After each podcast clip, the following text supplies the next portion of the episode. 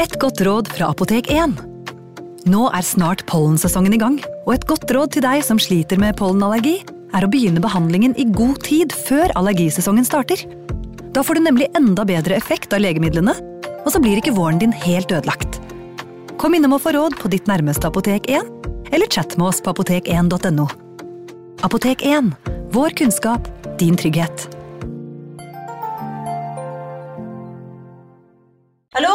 Jeg kommer fra Oslo politikammer. Ine Jansen er purk. Er du purk? The motherfucking bitch. Alt jeg vil, er å finne ut hva som skjedde med mannen min. Jon Carew. Er jeg sikta for noe? Iben Akeli. Det er du. Ole So, Lars Berrum og Big Daddy Karsten. Hvem sin side er du på, egentlig? Anette Hoff, Tone Danielsen, Kommer du fra Afrika? Jørnis Josef, Nesten kløfta. Trond Espen Seim, Det er synd å si det, men det var feil mann som døde. Purk. Premiere tirsdag på TV2 Play. Ungsamtalen fra DNB er økonomisk veiledning tilpasset deg som er ung. Bokk en ungsamtale på dnb.no. slash ung. Det er kjempebra hvis du skal inn på boligmarkedet, hvis det er drømmen din, liksom. Det er det du skulle sagt. Og så kunne du ropt litt mer, da, sånn som jeg gjorde. Bam! Advarsel. Historiene vi forteller i denne podkasten kan være fiktive og avvike fra den opprinnelige historien av dramaturgiske årsaker.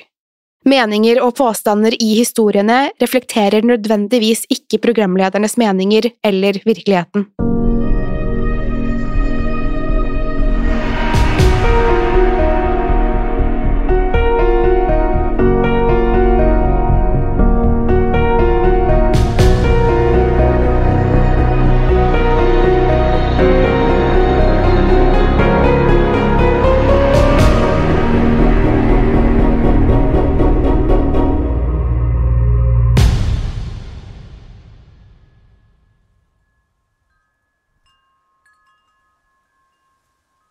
Det var september 1983, og speidertroppen hadde bestemt seg for å dra på det som skulle være årets siste skogstur. Vi satt kursen mot et av våre faste mål, på toppen av en stor knaus. Selvfølgelig hadde det begynt å regne idet vi begynte å gå inn i skogen. Det var mørke skyer så langt øyet kunne se, og det virket som om det kom til å regne i timevis. Vi visste at det ikke var noe poeng i å klage. Litt regn var tross alt ikke noen grunn til å avbryte en speidertur. Snart ville høsten sette inn for alvor, så neste mulighet var ikke før på våren. Det var fire av oss som trasket opp den smale stien. Vi forsøkte å holde humøret oppe mens regnet hamret mot de grønne regnponsjoene våre. Jeg gikk først, og bak meg fulgte Erik, Thomas og Simen. Vi hadde alle begynt å surmule, bortsett fra Thomas som virket å være i toppform. Thomas hadde tilsynelatende blitt meldt inn i speideren så foreldrene skulle få litt fri. Jeg så for meg at moren hans konstant måtte skrike og kjefte, og var sikkert i ferd med å bli lei. Det virket som den eneste måten han klarte å forholde seg til oss andre, var ved å plage vettet av oss. Thomas var både yngst og minst av alle i troppen, og han ble ofte ertet av de andre guttene. Jeg angrer på at vi behandlet han så dårlig, men samtidig føltes det som han fremprovoserte noe av det selv. Denne dagen virket han i hvert fall storfornøyd, mens vi andre var i ferd med å nå bristepunktet. Dermed var det også lettere for han å fremprovosere en reaksjon. Nå virket han fast bestemt på å vippe Erik av pinnen. Erik var nesten irriterende snill og pliktoppfyllende. Han var god til alt, fikk gode karakterer og briljerte også på fotballbanen. Han holdt seg unna alt som kunne være farlig, enten det var alkohol, sigaretter eller jenter. Likevel klarte han ikke å holde seg i skinnet rundt Thomas. Erik var minst like slem mot han som vi andre var, og det var nesten forfriskende å se at han ikke var helt perfekt. Da jeg så ansiktet hans, virket det som det var like før han ga Thomas en på tygga. Hei, Erik, ropte plutselig Thomas. Han løp ved siden av han for å forsikre seg om at han ikke ble ignorert. Det var bare så vidt stien var bred nok for dem begge. Hva er det? svarte til slutt Erik. Han var åpenbart irritert allerede. Jeg kan lese tankene dine. Thomas kunne noen ganger fremstå som et lite og irriterende barn. Ja vel, svarte Erik. Det var tydelig at han ikke var interessert i å høre mer om dette. Tenk på et tall, så skal jeg gjette hvilket, sa Thomas med en stadig voksende entusiasme. ok? Du tenker på tallet 30, ropte Thomas. Feil. Du lyver. Jeg gjettet riktig. Eller hva? Kom igjen, da, bare innrøm det. Jeg hørte lyden av regnponchoen som raslet, og jeg antok at Thomas forsøkte å presse seg mot Erik. Han kunne gjøre det i flere minutter dersom han ikke stanset ham. Ikke rør meg, tordnet plutselig Erik. Jeg så det ikke selv, men jeg skjønte likevel hva som hadde skjedd. Erik ble til slutt lei av maset til Thomas og dyttet han unna. Regnet hadde gjort den smale stien enda farligere, og dette var nok til å sende Thomas utfor kanten. Thomas skrek idet han ramlet nedover skråningen. Han holdt på å treffe flere trær på veien ned, men snublet til slutt i en stubbe. Han falt forover og stupte rett inn i en stor stein. Vi hørte et høyt smell idet hodet hans knuste inn i steinen. Han lå der helt urørlig i nesten et minutt. Herregud, ropte til slutt Simen. Vi hadde alle stått der lammet av panikk. Vi måtte hjelpe han. Dette var en tid før mobiltelefoner, derfor var vi nødt til å klatre ned dit og bære han til nærmeste hytte. Jeg begynte å bevege meg nedover stien, men Erik blokkerte for meg. Han så på meg med et bestemt blikk. Vi er nødt til å bli enige om hva som skjedde, begynte Erik. Simen sto like ved og virket bekymret. Vi må hjelpe Thomas, ropte Simen. Vi skal hjelpe han, svarte Erik. Men først må vi bli enige om hva vi skal si. Det er viktig at vi ikke forteller ulike versjoner av hva som skjedde. Så, vi er alle enige om at han skled, ikke sant? Jeg vet ikke, sa jeg uten å tenke meg om. Jeg så egentlig ikke hva som skjedde. Erik så på meg og nikket rolig. Det virket som om det var godt nok for han. Deretter snudde han seg og så mot Simen. Det virket ikke som Simen forsto hva Erik prøvde å si. Han var aldri den glupeste gjengen.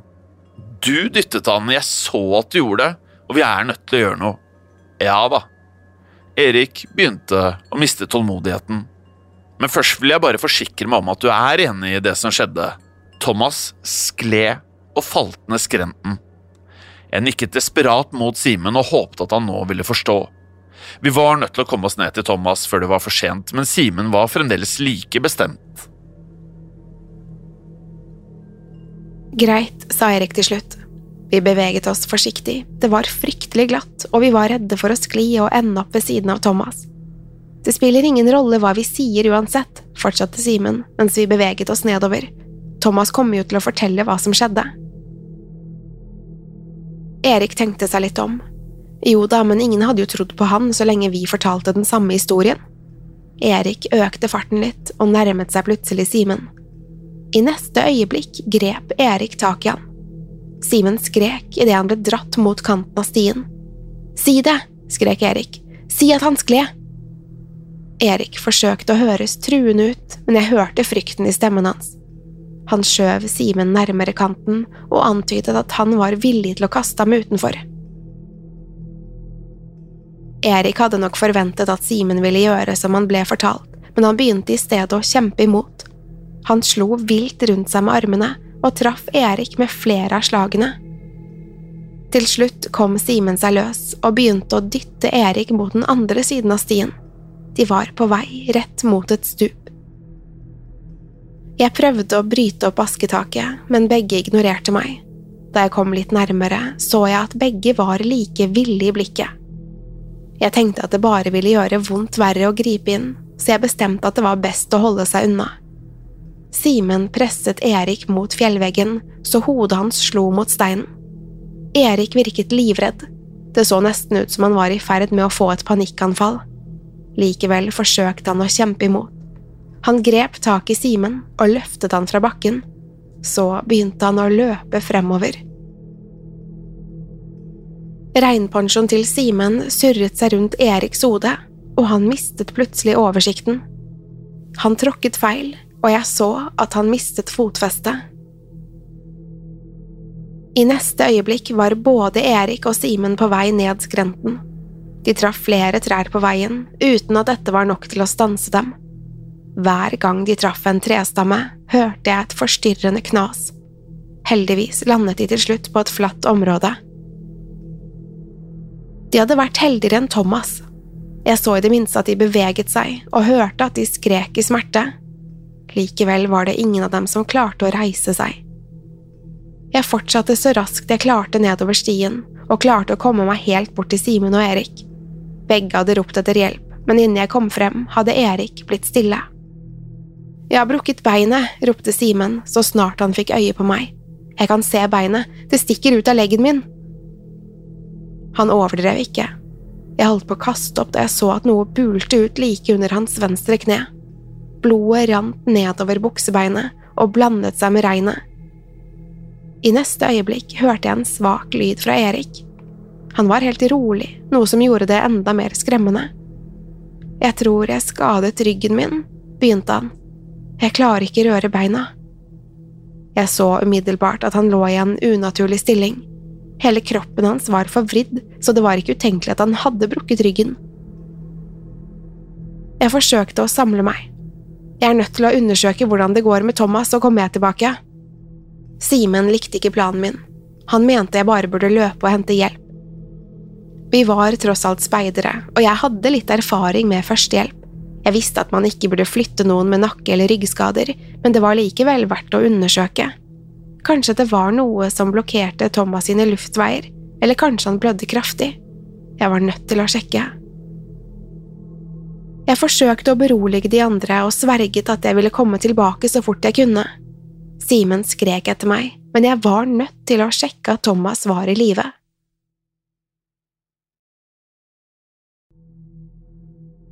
Jeg var sikker på at jeg visste hvilken stein han hadde truffet. Vi hadde gått forbi den utallige ganger på tidligere speiderturer. Jeg kunne kjenne igjen nesten hvert eneste tre og hver eneste stein i denne skogen. Men da jeg kom bort til steinen, skjønte jeg ingenting. Thomas var borte. Det var blod på steinen, men bortsett fra det var han sporløst forsvunnet. Blodet var ferskt og fremdeles rødt, så jeg visste at det var her han hadde landet.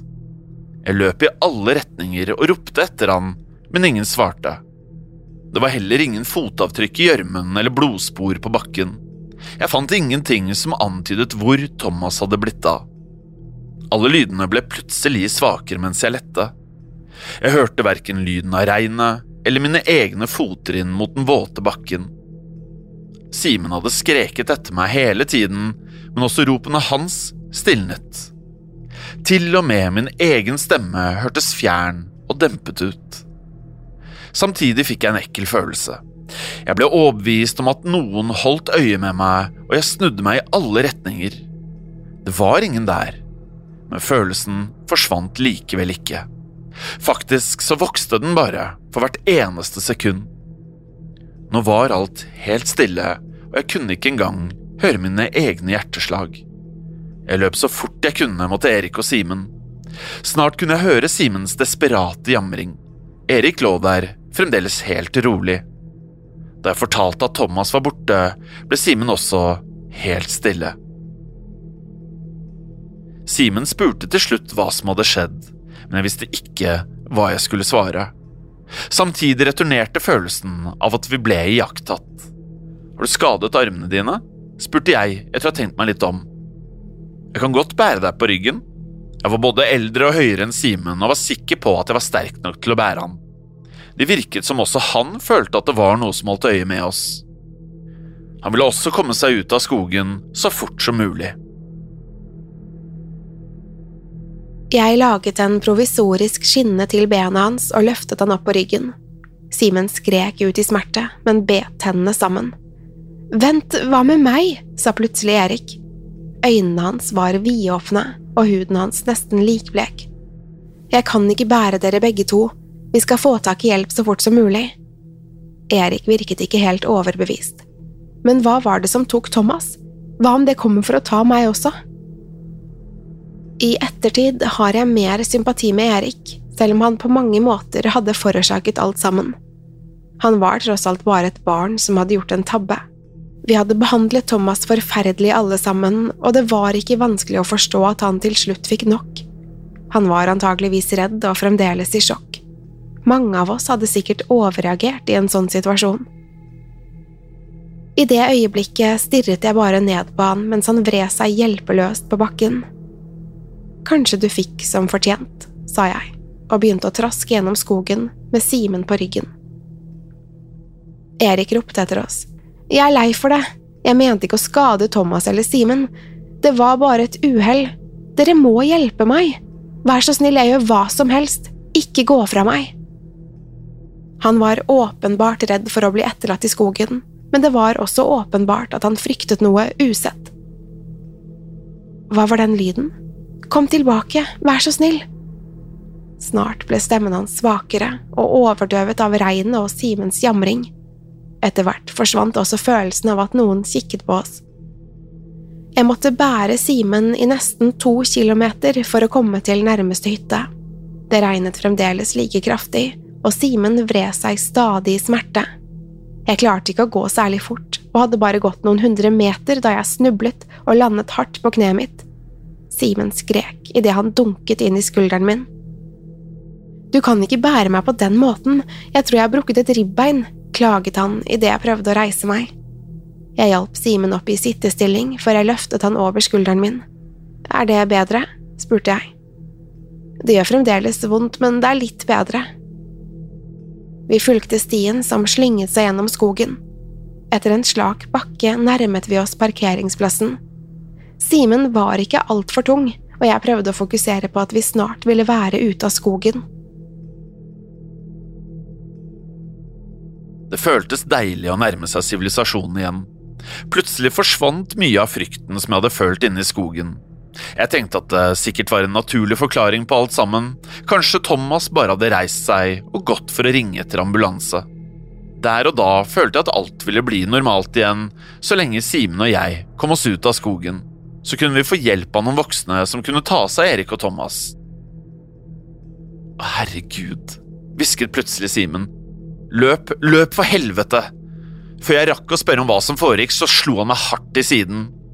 Han slo meg igjen og igjen, selv etter at jeg hadde lagt på sprang. Det var vanskelig å løpe med Simen på skuldrene, men snart returnerte den ekle følelsen.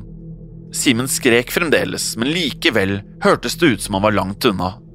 Stemmen hans ble stadig svakere, og til slutt kunne jeg ikke høre han i det hele tatt. Kanskje forsøkte han å beskrive hva som jaget oss, men jeg kunne ikke høre et eneste ord. Vi var ved bunnen av skråningen, og jeg kjente at Simen fremdeles vred seg og slo meg i siden. Sannsynligvis forsøkte han å kommunisere at det som jaget oss, stadig kom nærmere. Stien foran oss var dekket av grus og småsteiner, og når det regnet var det nesten umulig å få et godt fotfeste. Likevel klarte jeg å komme meg oppover uten å miste balansen. Da vi var omtrent halvveis, føltes det som om beina mine var i ferd med å svikte. Jeg forsto ikke hvorfor, men jeg kjente nå en intens smerte i knærne. I neste øyeblikk snublet jeg fremover og kollapset på grusen. Simen klarte å vri seg løs og begynte å åle seg oppover skråningen. Jeg forsøkte å reise meg, men jeg var nummen i hele kroppen. Det hadde startet med føttene, men jeg kjente nå helt opp til brystet. I neste øyeblikk kjente jeg et voldsomt slag mot bakhodet.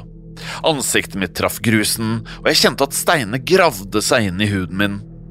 Men jeg klarte fremdeles ikke å røre meg. Jeg bare lå der, hjelpeløs og fullstendig utmattet. Den numne følelsen fortsatte oppover kroppen, og jeg var helt tom for energi. Jeg vet ikke hvor lenge jeg lå der, men etter hvert fikk jeg tilbake følelsen i bena, men jeg turte likevel ikke å røre meg. Tanken på å fjerne hetten fra ansiktet var fryktinngytende. Jeg ville heller ligge der i uvitenhet enn å se hva som jaget oss. Etter det som føltes som en evighet, sluttet det endelig å regne, og snart kom også lydene tilbake. Jeg hørte fuglesang og også bilmotorer i det fjerne. Etter en stund hørte jeg lyden av fottrinn mot grusen. De stanset et øyeblikk før de fortsatte i full sprang mot meg. Går det bra med deg? En gammel mann hadde trukket av hetten og stirret inn i øynene mine. Han la merke til småsteinene som stakk ut av kneet mitt. Herregud, hva er det som har skjedd med deg? Jeg vet ikke, svarte jeg. Jeg vet fremdeles ikke hva som skjedde, og vil egentlig ikke vite det heller. Alt jeg vet, er at Erik, Thomas og Simen aldri ble funnet. Det ble iverksatt store leteaksjoner, men ingen vet hva som skjedde med dem. Jeg var aldri interessert i å bidra i etterforskningen. Jeg er ikke interessert i å finne noen svar heller, og kommer aldri til å nærme meg en skog igjen. Likevel føler jeg meg ikke trygg, og jeg har nå et konstant behov for å være omringet av lyd. Hvis det plutselig blir stille rundt meg, blir jeg livredd. Jeg er avhengig av å ha lyd rundt meg til enhver tid, selv når jeg sover. Hvis den tingen prøver å ta meg igjen, vil jeg i det minste få en advarsel først. Og jeg vet at det ikke er over. I det siste har lydene plutselig forsvunnet, selv om jeg lyttet til høy musikk og skreket av fulle lunger. Det skjer hjemme, på jobb, når jeg er sammen med venner eller ute og kjører. Hvor enn jeg drar, følger det etter meg. Det er mange år siden min siste telttur, men jeg føler fremdeles at noen holder øye med meg. Og når det kommer for å ta meg, er jeg redd for at jeg aldri vil høre noe igjen.